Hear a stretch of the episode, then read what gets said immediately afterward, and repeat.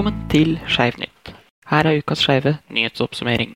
Delstater støtter opp om skeive veteraner. Flere skeive som har tjent i det amerikanske forsvaret, har historisk sett opplevd å blitt kastet ut av tjeneste om legningen eller identiteten deres har kommet fram i lyset. For veteraner med lengre tjenestetid har dette betydd at de plutselig har mistet alle fordelene fra The Major Veteran Benefit Programs, som bl.a. har bestått av skadekompensasjon, pensjonsordning og rabatt på helsetjenester. 22.3 kan Stripes.com meddele at New Jersey er en av delstatene hvor senatet nå innfører at veteraner kan få igjen fordelsrettighetene om de har fått en mindre enn hederlig dimittering, som det heter. Vedtaket vil stemmes over neste uke. Så en liten gladsak. Et nytt flertall for homofilt ekteskap. Det har historisk sett vært mest motstand i den amerikanske høyresiden mot at likekjønnede par skal ha like rettigheter til å gifte seg. 23.3 kan imidlertid The Hill rapportere at vekten har snudd. The Public Religion Research Institute gjennomførte i 2019 og 2021 en stor undersøkelse hvor bl.a. velgere som er registrert som republikanere, var silt ut som en egen fokusgruppe. Tallene fra 2019 viser at 47% av republikanerne støttet homofilt ekteskap. I 2021 har samme tall økt til 51% For første gang i historien sier altså over halvparten av republikanerne at de støtter like rettigheter for likekjønnede par til å gifte seg. Advarsel, vi skal inn i en litt stygg sak. Hatkriminalitet i Tyrkia. 25.3 forteller LGBTI News om Farah Delikanli, som gikk til angrep på den hørselshemmede Engin Elekci med grov vold, kun motivert av at Elekci var skeiv. Etter angrepet tok Delikanli bilde av seg selv og det blodige offeret sitt i en gisselposering og postet det på Instagram, hvor han forklarer at han ikke synes homofili burde være lov.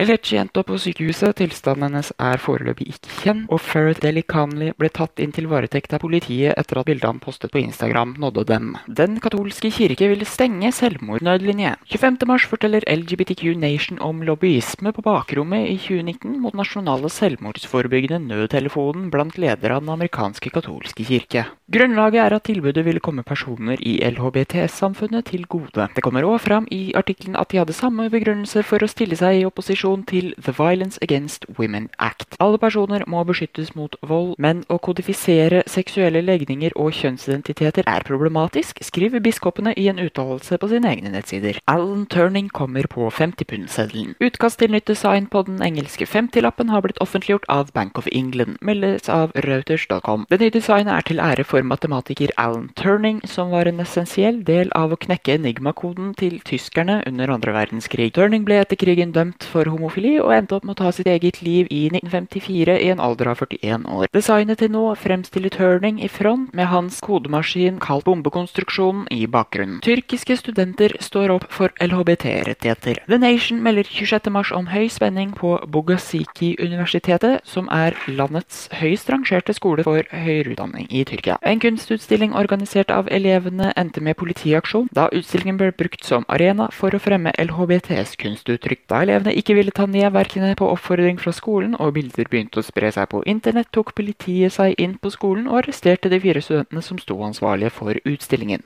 Tennessee-republikanerne vil forby LHBTs innhold i lærebøker. 25.3 forteller The Hill om republikanerne i Tennessee sitt forslag om å bannlyse bøker fra pensum og læringssituasjoner om de inneholder LHBTs tematikk. Lovforslaget som ligger på bordet vil forby private og offentlige skoler i Tennessee å ta i bruk bøker som normaliserer, støtter eller adresserer homofil, lesbisk, bifil eller transkjønnet problematikk eller livsstil. Guvernøren i Tennessee har allerede uttalt at om transkvinner får delta i sport, vil det ødelegge kvinnesport. Takk for at du hørte på denne ukens podkastversjon av Skeiv nytt, presentert av Mason Wesi. Vi henter våre nyhetssaker fra subredditen LGBT News. Følg lenken i toppen av episodebeskrivelsen om du ønsker å lese mer om sakene vi har omtalt. Husk å følge podkasten i din app for å få med deg nye episoder, og at Skeiv nytt alltid kommer først på Skeiv vlogs, Snapchat, lgbtq.vlog.